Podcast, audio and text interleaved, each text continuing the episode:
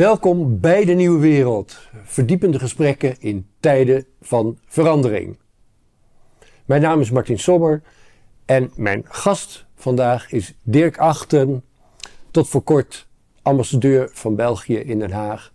Voordien werkzaam bij het Belgische ministerie van Buitenlandse Zaken en daar weer voor lang bij de krant De Standaard, waaronder tien jaar als hoofdredacteur.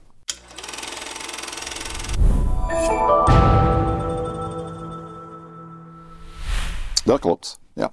Welkom, Dankjewel. Welkom. Dirk. Dankjewel voor je komst uh, naar Leiden. De directe aanleiding voor uh, dit gesprek is dat Dirk Achten een boek heeft geschreven. Ligt het aan ons? Ik heb het hier en uh, ik zal meteen een aanbeveling doen. Het is echt geschreven door een gelauwerd journalist. Het is vlot geschreven, het is erudiet. Het gaat over de, ja, zijn, zijn fascinatie voor de verschillen tussen België en Nederland. Zijn verbazing ook over zijn uh, tijd als uh, ambassadeur. En uh, ik kan dat helemaal delen. het, het feit dat die twee landen die toch een, een, een gezamenlijke wortel hebben. Zeker. Vervolgens 400 jaar uit elkaar zijn gegaan, een gedeelte korte tijd weer bij elkaar. Maar hoe het toch kan dat deze ja, toch, toch, toch zeer verwante, verwante landen uh, zo van elkaar verschillen. Wat we daarvan kunnen leren. Precies. En uh, uh, ja, uiteindelijk toch, ik zou zeggen, een minder, ja, toch een, een, een hoofdredacteurlijk advies voor, voor bestuurders in beide landen hoe het beter kan, niet waar Dirk? Precies, precies. Uh, ja, dat is een beetje de bedoeling. Ja, maar ja. daar gaan we niet mee beginnen. Want nee. uh, uh, op de achterflap staat inderdaad Dirk Achten, 20 jaar journalist bij de Standaard. Precies.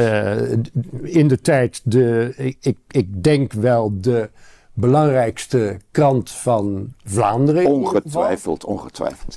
in ieder geval de krant die werd gelezen door de door de katholieke Vlaamse elite in de ja, tijd. anderen ook hoor. Ja, ja, ja, ook door anderen. Ja, ja, ja, ja. En dat katholieke is er intussen wel lang verdwenen hoor. Ja, ja, nou ja, ik wou beginnen met uh, een, een, een, actuele vraag over de journalistiek. Want we hebben vorige week gezien dat um, uh, de persgroep van, van Tillo, ik heb zelf bij de Volkskrant gewerkt.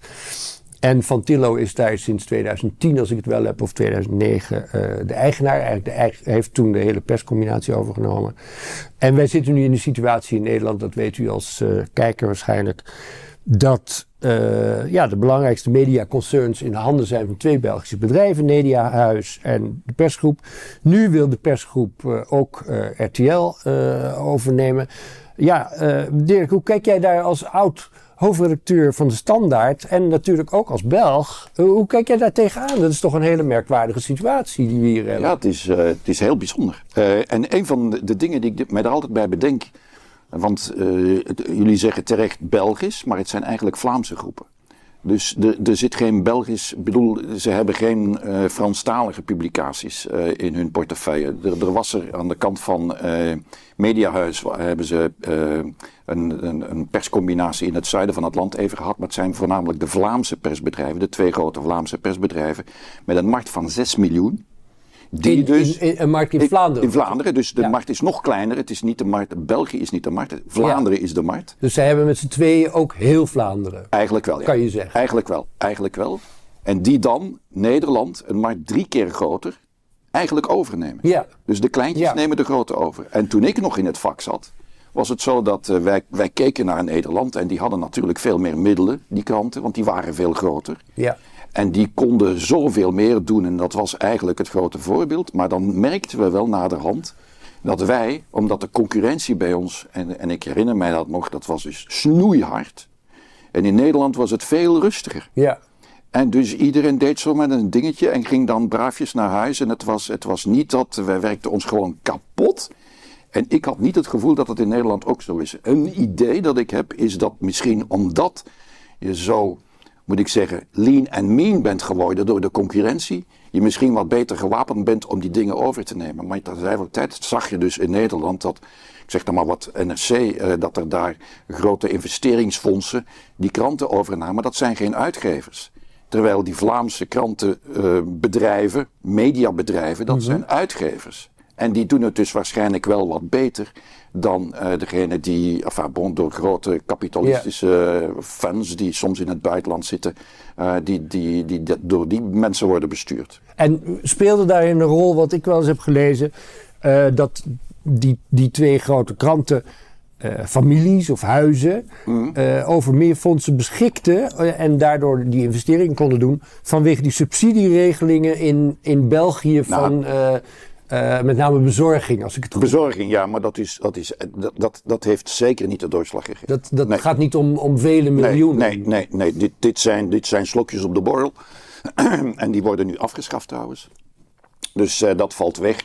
Maar dat is niet de hoofdreden. Dus dat, dat, uh, daar, daar kon je het verschil niet mee maken. Dus ik zal maar zeggen, dat gaat over een paar miljoen euro op jaarbasis. Voor een krant zoals de Standaard, vermoed ik. Maar, maar veel meer is dat niet. Dus hmm. het is niet daarom dat je nu zegt van daar, het, het is een, een, kwestie van de overheid die uh, die kranten heeft mogelijk gemaakt. Bovendien, die, die krantensubsidies zijn veel belangrijker voor de kranten in Wallonië. Voor de bezorging, om de dood eenvoudige reden dat er daar de, de, de veel meer dunbevolkte gebieden zijn. Dus de mensen uh, wonen duurder elkaar is om, en dan is het veel duurder om de krant ja. te bezorgen. Ja, en dan speelt dan, hè, jij zegt het is een, een, een hardere mentaliteit, ja. een, een, hardere ja. ondernemingsmentaliteit. Ja. ja. dat geloof ik direct, want ik kom natuurlijk uit de, uit de traditie van perscombinatie. En perscombinatie was natuurlijk altijd een, uiteindelijk een stichting en was altijd heel keurig verdeeld. En, en was men altijd uh, zeer uh, gericht op de uh, ja, op, de ideële, op de ideële kant van de zaak en veel minder Klopt. op de commerciële kant van de ja. zaak. Tot natuurlijk inderdaad die fondsen kwamen om uh, de boel uh, over te nemen. nou, niet tot heil en zegen van de, van de kranten, zullen we maar zeggen. Maar jij hebt mezelf wel eens verteld dat die commerciële kant in die Belgische concerns of Vlaamse concerns eigenlijk al veel vroeger tot ontwikkeling kwam dan hier in Nederland. En dat met name, en dat is de, uh, een beetje de, de, de, de minder aangename kant ervan, dat redactie en management in de zin van, van commercie eigenlijk al veel vroeger door elkaar begonnen te spelen. En wat je nu toch ook terugziet in, in die Nederlandse kranten. Eh, vertel me eens, wat, wat hè, jij hebt dat in je nadagen, meen ik, als hoofdredacteur beleefd. Ja, natuurlijk. Omdat uh, waar het eigenlijk om ging. Je had, je had, vroeger had je dus wat ze noemden een, eh, een waterdicht beschot tussen ja. de commercie. Die zaten op een andere verdieping, letterlijk, herinner ik me nog. En, en de redactie. Ja, die twee, ook zo. Die twee spraken elkaar nauwelijks. Ja. En de ene maakte het product en de andere verkochten het product. Ja. En dan heb je vrij snel, toen ik er eh, hoofdredacteur was, was het al, begon dat al, heb je de evolutie gehad dat eigenlijk de commercie zei en de, en de redactie ook van ja maar we moeten wel het product verkocht krijgen. Dus moeten we iets maken dat in de markt goed zit. Dus er komt heel de marketing binnen. Dus dan maak je meer iets op maat van je lezers. Het verwijt was excuus, het verwijt was dat, dat we dus dingen maakten die de lezers misschien niet altijd zo graag hadden, maar die wij in ons hoofd hadden dat de lezers ja. wilden. Maar dat klopte misschien. dat hout of niet? Ja, voor een stukje misschien wel. Maar dus, uh, we hadden bijvoorbeeld in, enfin, de, de, bij de standaard hadden we het idee dat we een referentiekrant zouden willen worden. Wat is een referentiekrant? Een referentiekrant is, dit moet je lezen als je mee wil zijn ja. en als je dus, ja, dus alles wat er in... begrip, in de reference. Ja, een, een, beetje wel, ja. Dus als, als je echt. Wij zijn dus eigenlijk. De mening domineert. Ja, de, waar de mening domineert. Maar dus als je ons leest, dan weet je wat er aan de hand is. Ja. Als je onze krant leest, dan, ja, ja, dan, zo, dan, okay. dan, ben je helemaal mee. Ook dus je hoeft eigenlijk de andere, kan je wel wat lezen om een andere afwijkende stem te horen. Maar dat is dan, ja, omdat je het echt volledig wil hebben. Het volledige, maar dus je, je hebt alles, zowel op het gebied van cultuur, politiek, eh, samenlevingsproblemen, economie. Dus wij zijn dan, dus dat was het idee, een referentiekrant. Ja, ja. Zoiets. Dus, dus eigenlijk... Uh, paper of record. Uh. Exactly, ja. exactly, a paper of record. Maar ja, uh, dan waren er dus mensen die zegden van ja, maar misschien wil niet iedereen al die dingen en moet het meer gaan over, ja, Hoe bereik je de vrouwen, de jongeren, die lezen dat De doelgroepen. De doelgroepen, want die, die komen niet aan hun trekken. Dus dat gaat er dan, ja, hoe maak ik goede rijstebrei of zo, weet ik veel. Dat, dat zagen we niet meteen, niet meteen als onze hoofdopdracht. Eh, en die kwamen er dus in. En Ja. dus, en dus dat, dat, die marketingmensen, die kwamen ons wel zeggen van ja, als jullie dat publiek eh wil bereiken, dan moet je dat en dat en dat erin brengen. En de morgen van de persgroep trouwens, is overgenomen, was een socialistische krant. Enfin, socialistisch, ja, links, links, links, Zeker. links, ja, ja, bon, helemaal. En dus de, de partij zat er ook mee aan boord en zo. Dus, en die zijn dan overgenomen en commercieel gaan draaien eh, binnen de persgroep. En die begonnen dat model eh, aan te hangen. En die begonnen dan snel te stijgen in En dat model was een doelgroepenmodel. En dat model- Eigenlijk ingebracht Ja, door het management. Ja, ja, ja, en dat model was, kijk, we gaan nu een trendy krant worden. En dus wij moeten eigenlijk, ja, wat er dus, eh, de, wat er de trends in de samenleving, dat, dat moeten we, daar moeten we neus voor hebben. En dat brengen we, eh, eh, artikels, daar brengen we artikels over. En dan worden we gelezen en dan zijn we echt in. hè? Dan zijn we hip, bij wijze van spreken. Ja. En van het een komt het ander. Dus dan krijgen we meer advertenties. Want we bereiken een jong, kapitaalkrachtig publiek. En we zitten in de lift. En iedereen praat over ons. En hup. Ja.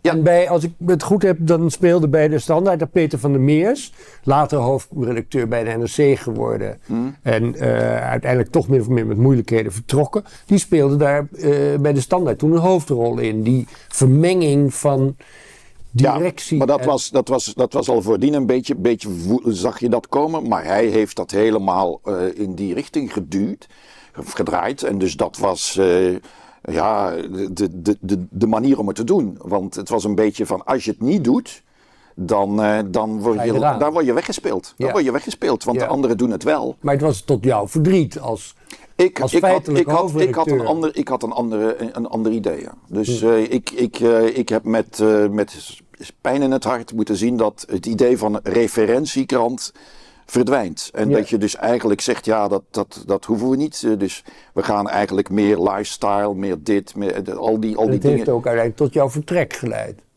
Ja, onrechtstreeks wel, ja. Dus eh, natuurlijk. Omdat, eh, maar het was ook voordien ook al zo dat ik was uitgever geworden en die functie was afgeschaft. Maar dan, dan zag ik van ja, wat, wat kan ik nog eh, op de redactie betekenen in, in, in die situatie. Dus dat, eh, dat had weinig zin om En, te blijven. en wij, wij spreken nu welk jaar ben je eh, uiteindelijk vertrokken? Oh, 2002. Oké, dus 20 jaar geleden. Ja. En eh, eh, kijk je daar nu nog steeds op dezelfde manier naar? In de zin van zo'n referentiekrant. Ja, zou nu nog steeds wenselijk zijn? Of, of zeg je met de wijsheid van de terugblik, nou ja, door alles in aanmerking genomen, internet, versplintering van de samenleving, ik noem maar wat. Ik zou het veel liever hebben. Dat- Ik zou, ik, ik, eh, kijk, eh, ik heb gisteren nog eens een keertje de, ja, de papieren kranten, want ik ben nog, ik, ik, ik hou van papieren kranten lezen. Sorry, maar misschien de leeftijd en het, en het, het vak waarin ik zat. Maar ik ben even door papieren versie van NRC en Volkskrant gegaan gisteren. En ik was er naar mijn smaak te snel doorheen. Dus, eh, en dat is niet goed. Dus eh, ik, ik, En wat miste je? wel, Nederland staat nu toch op een heel belangrijk moment in zijn geschiedenis. Zeker. Politieke geschiedenis, vind ik. ik las er haast niks over. Nee. Gisteren. Misschien was het de dag voordien. Misschien was het een slechte dag. Dat kan wel best zijn. Misschien was er daar... Maar ik, ik, ik las er eigenlijk quasi niks over. Ik wilde daar iets over vernemen. Ik zag Ja. van... Ja, wat, wat vinden ze er hier allemaal van? Want ik kom dan uit Brussel. En ik Ja. zei van... Ja, nou, nou, ik, ik, ik zat dan in Den Haag. Want ik wil wel even weten Ja. wat ze ervan vinden. En ik, ik, ik, ik las over allerlei zaken. Maar daar had ik niks, heb ik Nee. niks over gevonden. Dit is ook heel. Dan komen we zo op het boek. Eigenlijk Ja. vrij vanzelf. Want dit is natuurlijk ook heel Nederlands. We zijn nu in, in Ja. de formatie. Ja. En de, de, de, de informateur eh, Plasterk heeft aangekondigd. eh, ja, ja, dames en heren, dat was vorige week. Eh, ja, jammer, we- wij, wij krijgen nu radiostilte. Oh ja. En, dan, en Ja. dan gans het land denkt, oké, radiostilte. Nou, radiostilte. Dus wij doen allemaal radiostilte. Ja. En zo komen we op Oké. op ja. de Nederlandse geestesgesteldheid. Dus, Zeer ge- gezagsgetrouw. Dus, eh, ja, ja, nou, dus meneer Plasterk eh, kondigt het af. En dus we, de- we houden ons hij, er allemaal lekker. hij is ook een soort onderwijzer, dus Ja, dat- hij kan het heel goed. ja, ik kan het heel goed ja. uitleggen. Ja. inderdaad. Ja. Maar goed, zo komen, we- zo komen we op, op het boek. En een van de anekdotes waar, ik- waar het mee begint, die ik ontzettend leuk vond. Eh, eh, jij begint als ambassadeur ja. en eh, je, je maakt al snel mee.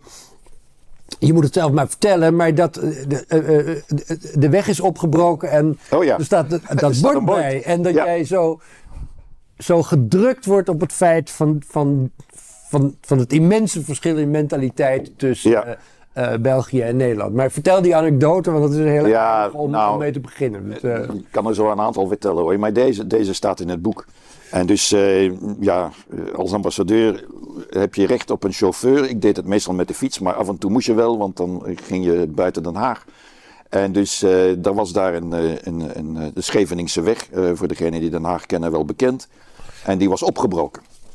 Goed, eh, en ik eh, fietste er elke dag langs en ik zei van... en er stond een bord naast en het bord kondigde aan dat het in december voor elkaar zou zijn. Dus dan eh, ging de weg opnieuw opengaan. En ik dacht, eh, ja, maar dat eh, lukt niet. Want je zag ze gewoon. Dat kon gewoon niet. En dus medio december rijd ik er langs met de chauffeur. En ik zeg, ja, kijk, dit gaat nooit lukken. Jawel, meneer, zei de chauffeur. Jawel, jawel, kijkt u even. Het staat op het bord. ja. Ik zei, ja, maar kijk nou, dit, het, het gaat niet lukken. Je ziet het toch? Maar het staat op het bord. Oké. Goed. Eh, en een beetje later, eh, dus eh, ik denk een, een goede maand, dus dan zitten we al eh, januari ergens, eh, rijden we er opnieuw langs. En ik zeg, ja, maar zie je wel, eh, het is niet gelukt hè? ja. Ja, maar meneer, er staat een nieuw bord. Ja. En op het nieuwe bord stond dat het pas in april zou worden. Dus ze hebben gewoon een nieuw bord gezet en dan is het goed. Wat geeft dat aan? ja, wat geeft dat in? Wat, Ja. wat geeft dat aan? Dat geeft aan dat eh, het vertrouwen in de overheid eigenlijk dermate groot is dat ze zeggen van eh, ja, dus het komt in orde, want het staat op het bord. Een Belg of een Vlaming zou zeggen van ja, je ziet het toch. En ze knoeien weer raak. En het is Ja. n'importe quoi. En dus vandaag zetten ze erop eh, december en volgende week is het april. En dat halen ze natuurlijk ook weer niet enzovoort. Dus waar de Belg of de Vlaming vertrekt van een wantrouwen, vertrekt de Nederlander van een vertrouwen. En dus eh, iets anders is de planningsgeest, maar dat is, dat, daar daar gaan we het nou niet over hebben. Nou, daar gaan we het wel over hebben. Ah, daar gaan we het wel over hebben. Zeker. Ja, ik geef een andere anekdote. Dus eh, op een bepaald ogenblik eh, zie ik dat de weg voor, dat is dan een andere weg, voor de residentie waar ik dus woonde in die tijd, eh, wordt opgebroken. Ik kom eh, buiten met mijn fiets. En komt er een man naar mij toe gelopen en zegt: Meneer van België, meneer van België. Ah, dat ben ik dan. Ja, kijk eens, eh, de, de weg wordt opgebroken en dus we gaan het allemaal goed organiseren enzovoort enzovoort. En dus ik zeg: eh, We hebben een brief gekregen, en, eh, maakt u zich geen zorgen, meneer, Eh, dat komt wel goed. En ik zei: Maar waarom doen jullie dat? Want die weg is nog goed. Ah, maar zegt hij: Maar dat staat in de planning. ja. Ik zeg: Ja, maar die is nog goed. Ja. Ik ben er onlangs opnieuw geweest, er is er niks aan veranderd. Ja. Maar de weg is opgebroken omdat het in de planning stond. Ja. En de man was gewoon ontdaan dat ik de vraag durfde stellen. Dus andere bestuurscultuur. ja. Ja, Maar wat geeft dat in? Ik bedoel, eh, we, we- kunnen het over die planning hebben. De, eh, een van de dingen die, die mij frappeerde, dat, dat is toch een beetje hetzelfde. Hoewel je je kunt afvragen of dat het vertrouwen helpt.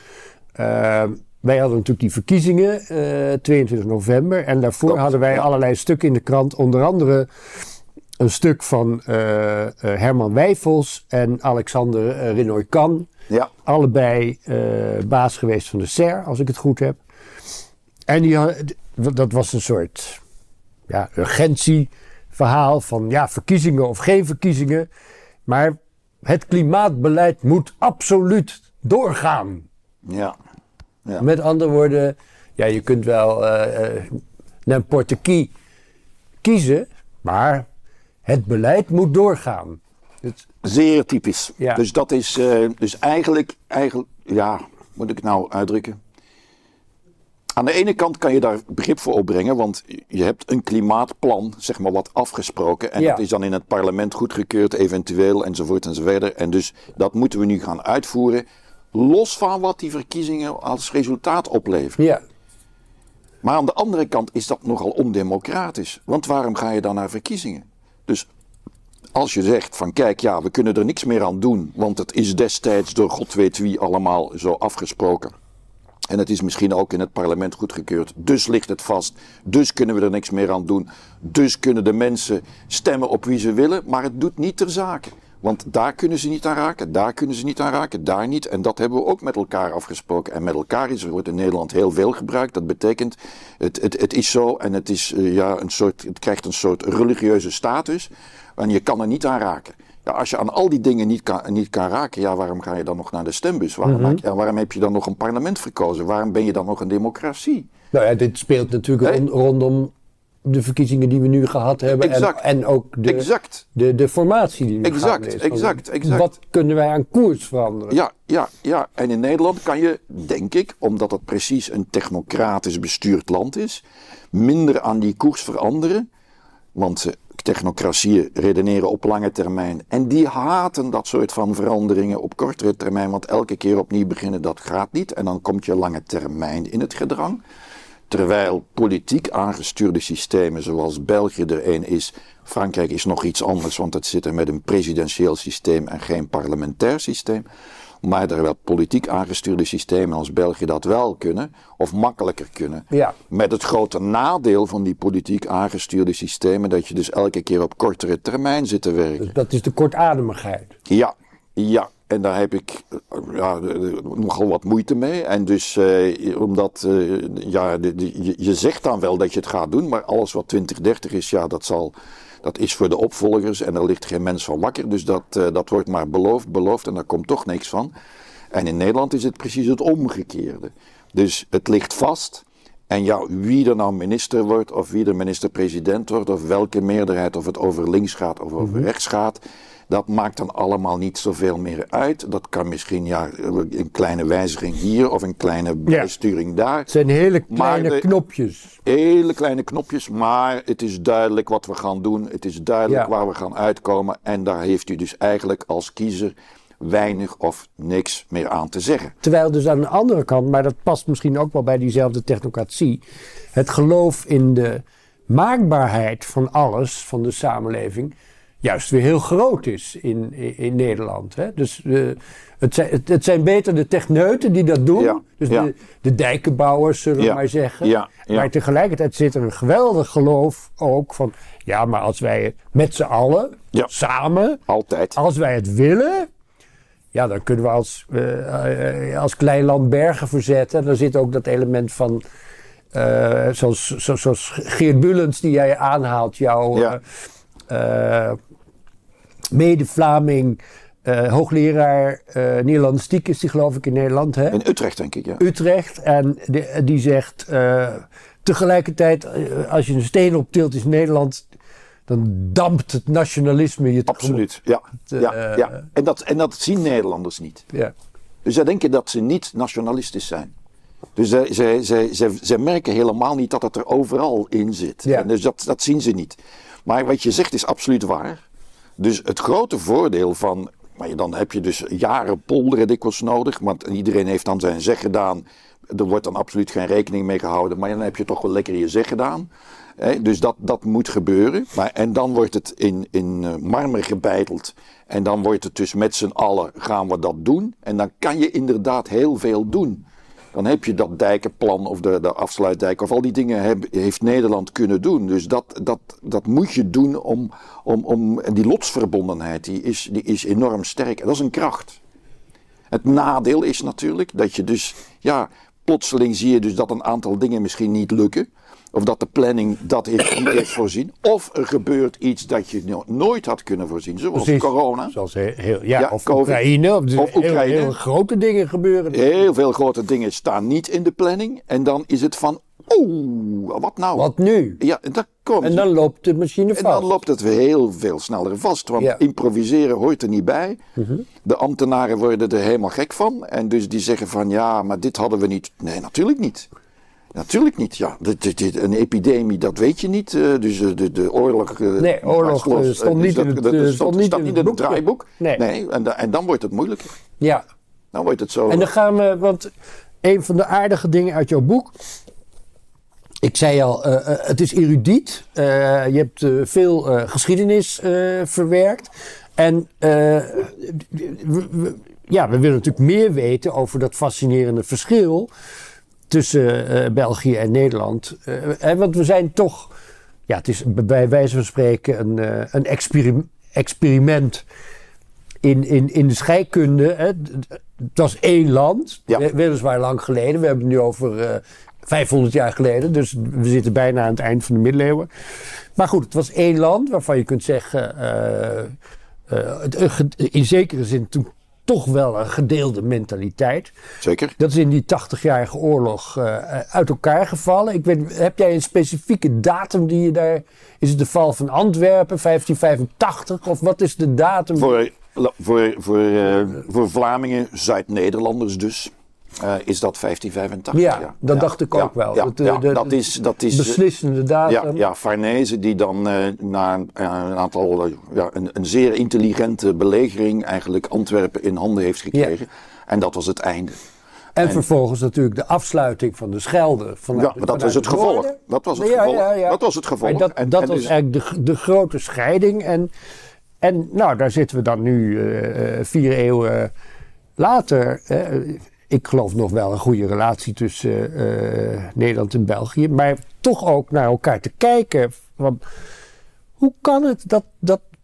Nou, we hebben het dan over technocratie en dit soort dingen. En specifiek een politieke cultuur in, in België. Hoe, hoe heeft zich dat ontwikkeld in die. Uh...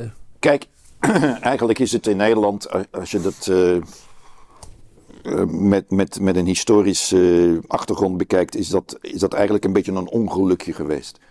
Een ongelukje in de zin dat het nooit de bedoeling was om een republiek te maken. Dus uh, met de moord op Willem van Oranje kreeg Oldenbarneveld eigenlijk de macht wel. En dus de regenten zijn toen uh, ontstaan. En het is natuurlijk een heel protestantse cultuur ook geweest. De protestanten, want het is begonnen in het zuiden. De protestanten uit het zuiden zijn gevlucht naar het noorden. En hebben hun stempel gedrukt, samen met de protestanten van het noorden natuurlijk. Maar het was een protestantse bestuursbeleidscultuur. Wit-zwart, de rechtstreekse relatie tot God. Hè. Dus het, zat er allemaal wel een beetje in. En ze hadden dus eigenlijk geen vorsten meer nodig, dachten ze. Johan de Wit heeft dat ook eh, zo duidelijk laten verstaan. Dus heel die mhm. regentencultuur uh, is toen ontstaan, gericht op handel gericht op pragmatisme. Op, op uh, gewoon, ja, we moeten proberen om wij, ons klein landje, in deze uithoek, zo dachten ze toen. En Nederlanders denken dikwijls nog altijd dat ze in een uithoek van Europa wonen, wat heel raar is, want dat is helemaal niet zo. Zelfs Huizinga vond dat Nederland een uit. En dat, ja, ik vind het een heel vreemde gedachte. Huizinga heeft ooit geschreven dat het, het brandpunt van Nederland niet op het land lag, maar ergens in zee. Dus, ja, ja dat, dus wij, keken, wij keken altijd naar Engeland en nog verder naar. Ja, ja, ja, ja, Nederland kijkt naar zee. En Nederland dacht ook van al het, al het slechte komt van het land en al het goede komt van de zee. Geen twijfel over. Ah, dat is helemaal duidelijk. Dus, ja. uh, maar goed, dus de Fransen zijn binnengevallen, de, de, Duit, de Duitsers een paar, één keer denk ik. Eén keer, Eén keer bij ons twee keer. Maar goed, dus, uh, dus dat was uh, in die tijd, dus Oldenbarneveld. En later is dat verder gezet. Dus de regentenstaat, de Republiek der Nederlanden. En in het zuiden is het omgekeerde gebeurd. Dus je had eigenlijk van beide beginnen de handelssteden in het noorden, handelssteden in het zuiden. Die in het zuiden waren sterker, Gent, Antwerpen. Die heeft zich verplaatst naar Amsterdam, vooral Amsterdam. Uh, maar de handelssteden waren er nog in het zuiden. Dus uh, en die mentaliteit van die handelssteden is een beetje door blijven werken in, in, het, in, in Zuid-Nederland, ook na de restauratie. En daardoor heb je nooit een zeer hiërarchisch ancien regime gehad zoals in Frankrijk. Dus dat heeft nooit. Uh, in, in België? In België, België bedoel ik, ja. Dus dat is, dat is niet gelukt. Maar wel al de rest. Met al de rest bedoel ik. Wel een, een, krachtige adel toen? Ja, ja, maar vooral in het zuiden van België en minder in het noorden. Ja, ja, dus maar die is terug hersteld. In Frans, dus, Franstalig België. In Franstalig België. Maar die is toen hersteld. De kerk is hersteld, katholieke kerk.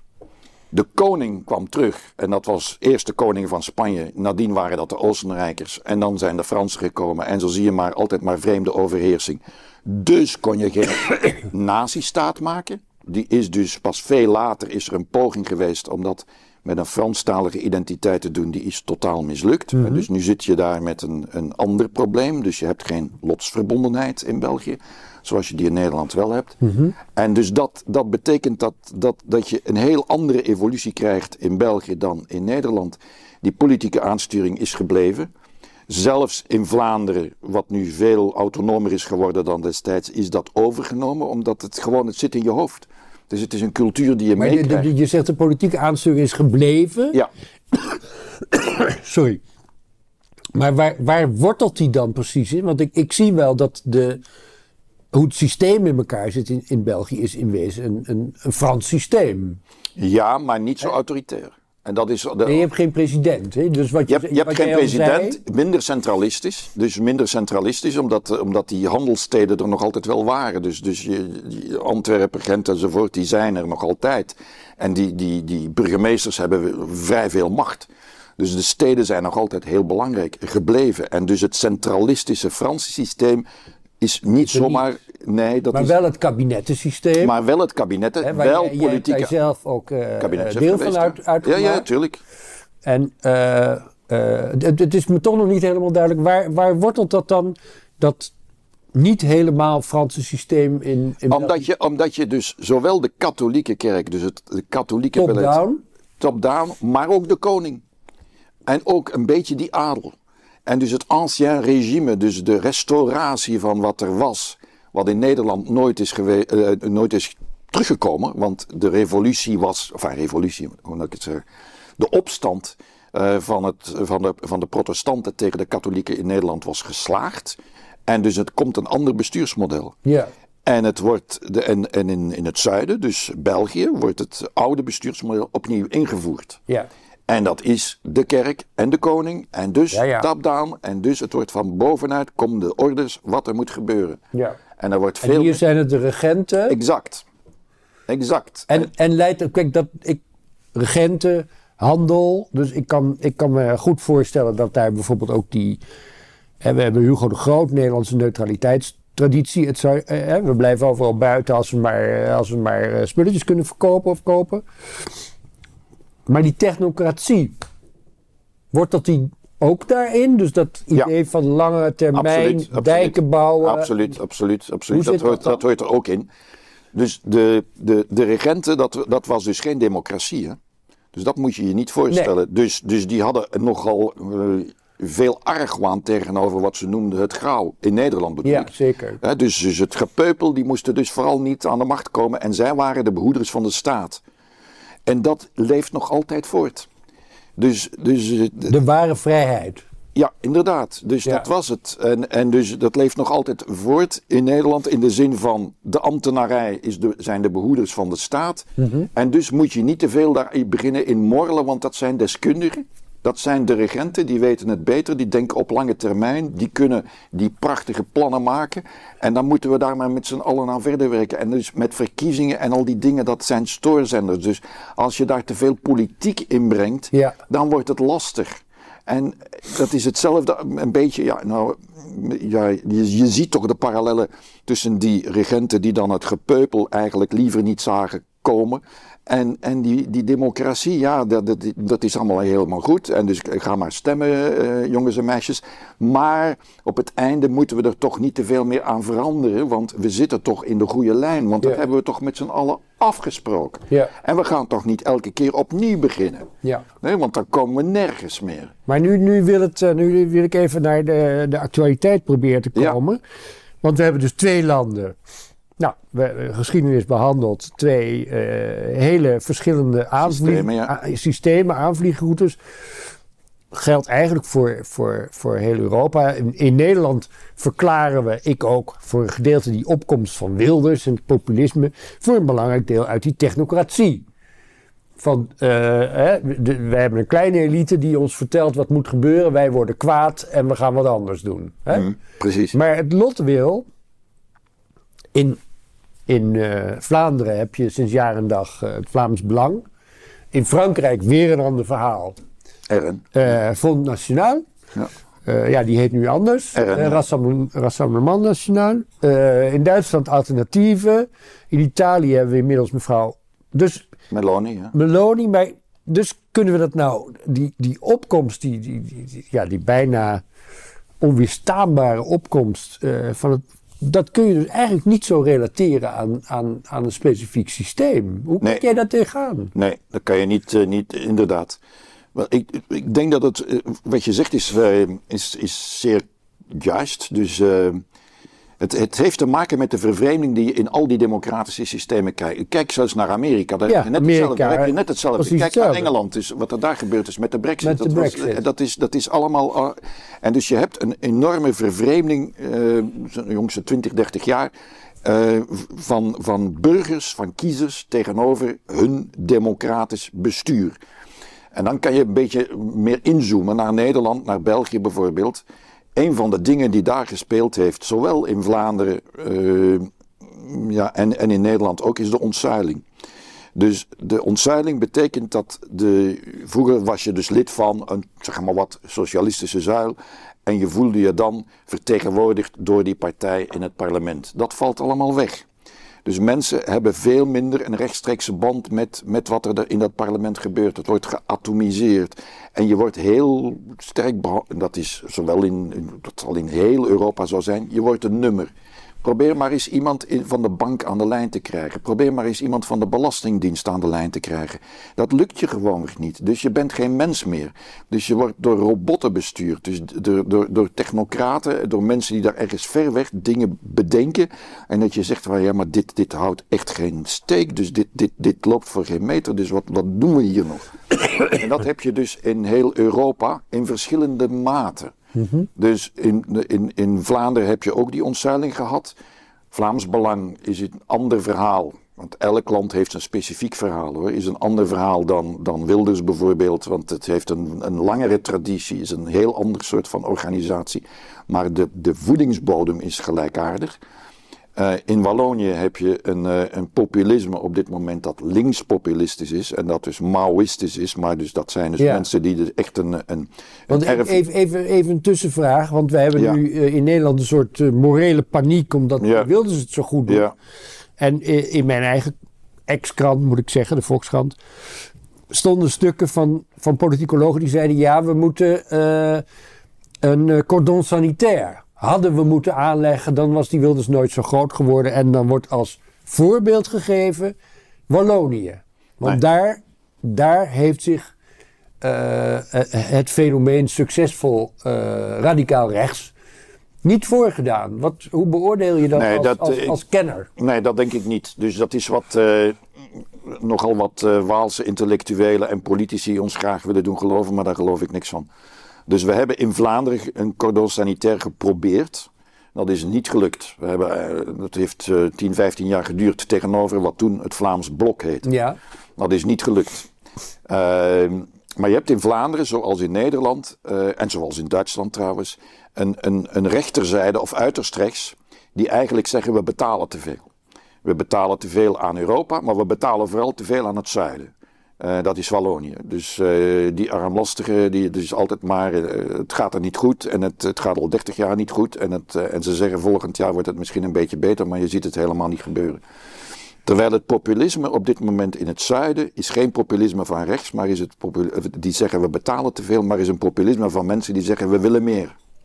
We willen meer solidariteit. De rijken, dat is dus het noorden, moet voor ons meer betalen. En dat is dus een linkspopulisme. En dat is dat Maoïstisch eh, populisme. En daar bestaat geen enkel cordon tegenover in Wallonië. Die komen even goed op televisie. Die worden bekeken als een normale partij. Die hebben wel nog waarnemers gestuurd naar de Noord-Koreaanse communistische partij voor hun congres, nota bene. Die hebben dus een geschiedenis waarbij ze zeggen: de Rode Khmer, ja, die waren er eigenlijk toch wel om goed te doen. En die vinden Stalin eigenlijk. ja, een man. Die dat?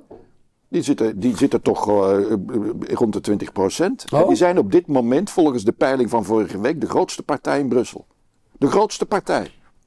En, dus, en, en daar bestaat dus helemaal geen cordon sanitair tegenover. Maar als die het voor het zeggen hebben, ja, dan, dan, dan, dan zie ik het ook niet helemaal goed, zitten, goed komen met de democratie hoor. Dus dit zijn absoluut geen democraten. Dus de grote voorzitter van de partij heet Hedebouw.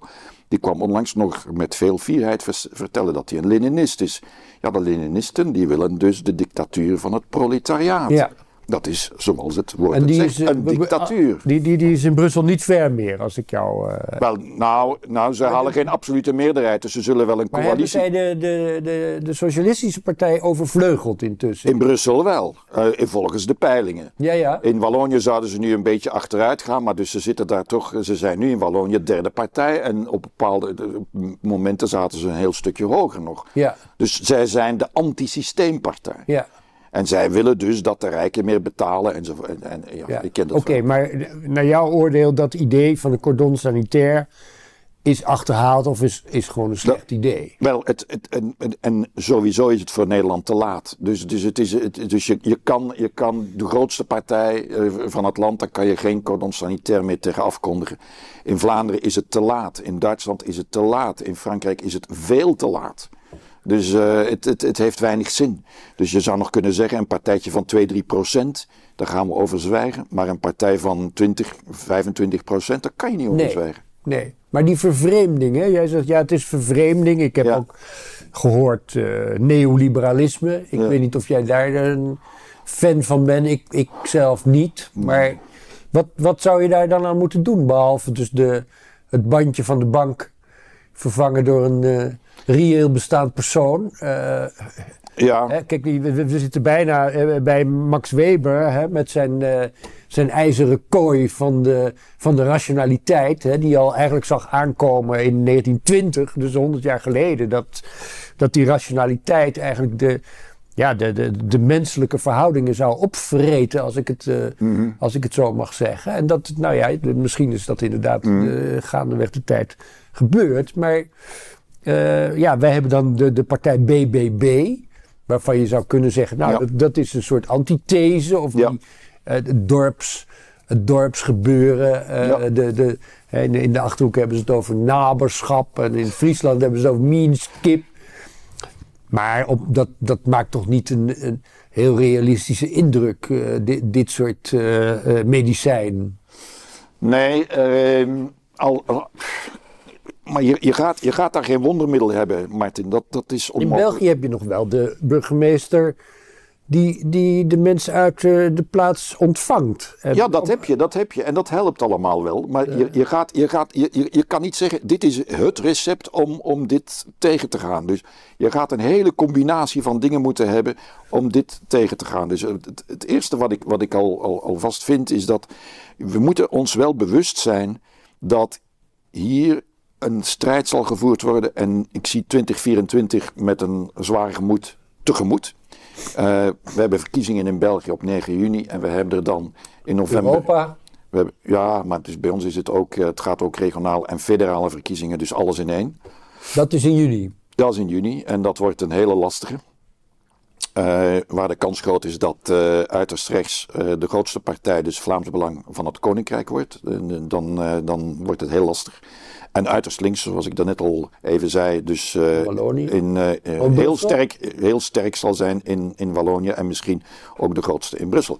Maar dan heb je dus november heb je dus in, eh, over de plas in, in Amerika. Zeker. Wat, wat eigenlijk heel belangrijk is. Dus we zitten op dit moment, wordt het democratische model als dusdanig staat ter discussie of wordt eigenlijk, ja, wordt bedreigd. Ja.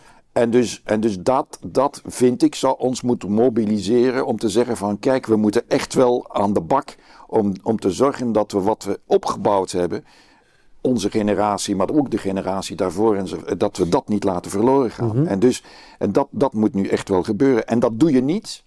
En dat vind ik wel heel belangrijk, want dan, dan heb je dus de, de discussie over het cordon sanitair. Maar dat doe je niet door te zeggen dat het allemaal idioten zijn die Ja. voor die partijen stemmen. Dat dat eh, mensen zijn die niet goed nadenken. Dat dat allemaal domme, En die domme tendens is natuurlijk vrij sterk. en dus als je, als, je ze, als je zegt van we gaan een cordon sanitair rond jullie organiseren, dan zeg je van wij willen niet in gesprek gaan met jullie. Ja. Wij, wij, jullie bestaan niet. We gaan jullie bestaan even ontkennen. Want we vinden jullie niet leuk. En dus, dus houden we jullie weg uit de kranten en weg uit het nieuws en weg uit de radio en, en, die, en, en uit de televisiestudio's en, en ja, internet, dat zal niet lukken. Maar dus jullie bestaan voor ons niet. Dus dat gaat niet. Dus daar, daar kan je het niet meer mee, dat, dat, dat lukt nooit. Wat je wel moet doen, is ermee in gesprek gaan. En vandaar dat ik een beetje teleurgesteld was dat ik niks las in de Volkskrant en in de NRC. Maar je moet in gesprek gaan met die mensen. En je moet hen duidelijk maken van ja jong, maar wat, hier, wat jullie eigenlijk willen, of de partij waar jullie op stemmen, hebben jullie dat eens goed bekeken? Wat daarin staat in dat programma? Kunnen jullie dat eens even voorstellen wat het allemaal is? Gaan we dat nu echt wel doen? En, nou, en denk, dat is denk ook wel een, een, een, serieus probleem. Zeker eh, in verband met wat we uh, een beetje behandeld hebben met die technocratie. Ja. Uh, want dan, dan wordt steeds de aanname van, ja, wat jullie willen, ja, dat kan helaas niet. Uh, we kunnen helaas niks doen aan de immigratie. Want daar zijn ah, verdragen, argumenten, uh, werkgelegenheid. allemaal verstandige dingen. Nee. wat jullie willen over stikstof, ja, dat kan helaas niet. Want we hebben het afgesproken. Ik bedoel, jij kijkt daar van buitenaf, denk ik, iets genuanceerder ja. Maar stikstof is natuurlijk wel een mooi voorbeeld van die technocratie. En, en, en, en het enorme argument van het kan niet. Nee, nee. Dus als je maar, met maar mensen je moet, in gesprek je moet, gaat, moet je dat laten vallen, lijkt mij. Daar ben ik het mee eens. Dus eh, zeker als het gaat over stikstof en al die andere dingen, daar ben ik het mee eens. Maar als je bijvoorbeeld zou zeggen, wij verbieden de Koran dan denk ik, dan heb ik wel een probleem. Mhm. Want dan kom je dus aan basisrechten, aan grondrechten. En dan zeg je van, dit boek mag niet verkocht worden. Ja, dan, ik, dan voel ik mij aangetast. Ik ook. Ik ben geen moslim, maar ik wil wel een Koran kunnen kopen. Want dan kan je even goed volgende week zeggen, ja, dan, dat, dan verbieden we de Bijbel. Eens, dat ben ik met je dus eens, die dingen uiteraard. kunnen niet.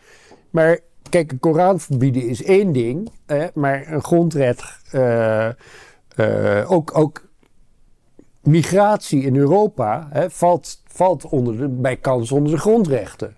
Ja, dus, maar daar ben eh, ik het wel mee eens dat je daarover moet discussiëren. En dat vind ik wel. En dus, en dus als je dan zegt, en ik, ik, ik heb het gelezen hoor, ja, maar dat kan niet, want er zijn internationale verdragen enzovoort. Ja, oké.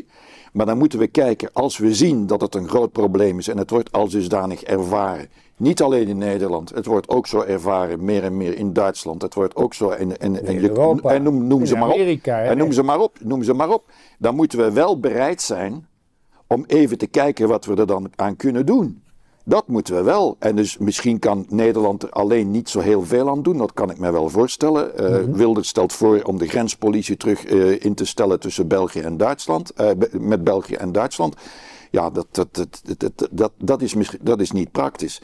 Maar je moet wel bereid zijn om te praten over wat doen we eraan.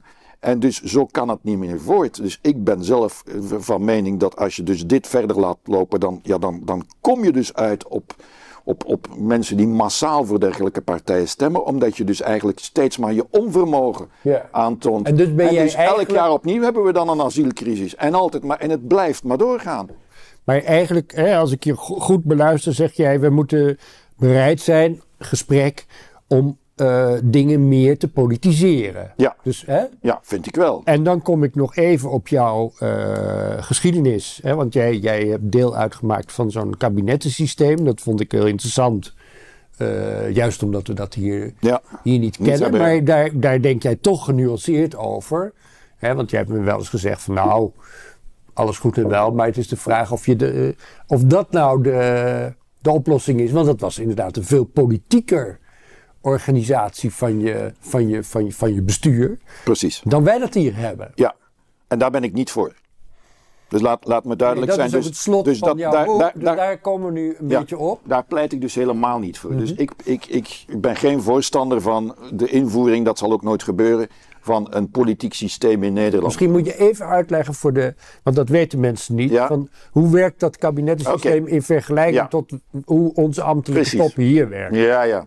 Dus uh, kabinetten betekent dat, of een kabinettensysteem betekent dat een minister, in mijn geval Buitenlandse Zaken bijvoorbeeld, een hele staf heeft. Jij was secretaris-generaal Buitenlandse Zaken, dus de hoogste ambtenaar. Ik was de hoogste ambtenaar, maar voordien was ik ook een tijd lang kabinetchef van de minister. Oké, en dan ben je dus direct verbonden aan de minister zelf. Ja, en, uh, je, en je, je komt, sommige mensen komen uit de administratie, maar anderen niet. En, uh, en dus je bent, je, je bent de persoonlijke staf van die minister. Maar dat, is niet, dat, dat gaat niet om vijf mensen. Dat gaat over tientallen Dus, eh, en al naar gelang de bevoegdheden van de minister, je hebt kabinetten van 80, 90 mensen. Dus dat zijn parallele administraties geworden. Die moeien zich met de Dus kleinste bijna een Sovjet-systeem eigenlijk. Eigenlijk wel. Dat de, zijn de dus partij en de administratie. Absoluut. En dus dat, en dat, dat zorgt ervoor dat de administraties eigenlijk worden teruggedrongen. En, niet meer verantwoordelijk, of zich niet meer verantwoordelijk voelen voor opvolging ofzovoort. Want ja, daar zitten toch allemaal eh, jongens en meisjes die denken dat ze het zoveel beter weten. En die van god weet waar komen. En die, Dus eh, die laten het een beetje lopen. Ja, die, die, die voelen zich niet empowered, om het op zijn Engels te zeggen. Die voelen zich niet verantwoordelijk. Die, die, die, die denken van ja, zij weten het toch beter. Ja, dus eh, doe maar op. maar die kunnen het ook niet, want ze zijn met te weinig eh, om het te doen. Maar ze zijn met te veel om zich niet te moeien. Dus, eh, en, en, dus dat loopt verkeerd. Dus je doet ongelooflijk veel dubbel werk door, in zo'n systeem. Want de administratie bereidt het voor. Dan gaat het naar dat kabinet. Die beginnen daaraan te. En dan, en dan komt het. eh, eh, wat er dan uitkomt, dat herken je soms niet meer. Dus dat, dat, dat, dat heeft een aantal zeer serieuze problemen. En dat betekent ook dat je je administratie politiseert, wat ook niet goed is. Dus mijn idee zou zijn, omdat de, de essentie van wat je daar hebt, zijnde dat een minister hefbomen moet hebben om zijn beleid uit te voeren, hou dat. Maar geef hem een staf, of haar, een staf van vijf mensen, en dan doet hij het mee. Maar al de rest weg. En in Nederland hebben de ministers eigenlijk te weinig Ja. hefbomen, heb ik het gevoel soms. Ja, ja, die hebben Maar- één of twee mensen die voor met, de, met de tas ja, eh, ja, lopen. ja, ja. En, en, die, en die dikwijls meer bezig zijn met externe communicatie, maar niet met Zeker, beleid. Zeker. Met beleid, met beleid zijn ze dus die helemaal zijn wel aan aangewezen. afstemmen. hè. Ja, eh, maar zijn ze, zijn, zijn ze aangewezen of helemaal aangewezen op de administratie. En als daar iets misloopt, hebben zij het wel, mogen zij het komen uitleggen in het parlement, maar ze hebben er helemaal geen, geen greep op. Nee. En dus daar, eh, of, of ze dus je moet een soort tussenweg. je moet een tussenweg hebben. En ja. dus, dus wat ze in Europa doen met de commissie, die hebben dat ook. Die hebben een kleine staf en dat is voldoende. En dus in België zouden ze dat moeten doen. En in Nederland misschien ook een beetje een stapje daar naartoe. Oké. Ja. Nou, hier sluiten we mee af. Dirk, eh, ik, ik, ik beveel nogmaals eh, het boek aan. Het is goed geschreven. Het geeft een goed inzicht Dankjewel. in die geschiedenis. Nog één vraag, want ik moest wel lachen. Ligt het aan ons? ja, Dit is een vraag die een Nederlander nooit zou stellen. is dat zo? ligt het aan ons? Ja. Waarom niet? Nou, omdat wij het zelfvertrouwen hebben dat het niet aan ons ligt. Ja, maar toch wel een beetje. Ja? Ja. Ja, ik vind... Ja, kijk, waar, we het nou weer over gehad hebben. Dus je, je- wij zijn toch ook wel een beetje verantwoordelijk over wat er in de samenleving gebeurt. Dus we kunnen toch niet zeggen dat het, het, ligt niet aan mij. Ja, ja, toch wel een klein beetje, toch? Nou ja, ik bedoel, waar we het zo, zo net over hadden. Van, Ja. Hoe ga je met het populisme om? Ga je daarmee in gesprek? Ja, pre- Of precies. zeg je, Maar dan kan jij nou, toch ons ligt het niet? Maar ja, Ja. ik vind wel dat we ermee in gesprek moeten. Nee, zeker, zeker. Ik ook. Goed. Nou ja, goed, dit is eh Ja. hoorconcours, zullen we maar zeggen. Eh, Oké. Dirk, dank je, dank je zeer voor, voor Jij dit eh, bedankt, interessante Martin. gesprek. Dankjewel, En we zetten het voort. dankjewel. Dank je wel.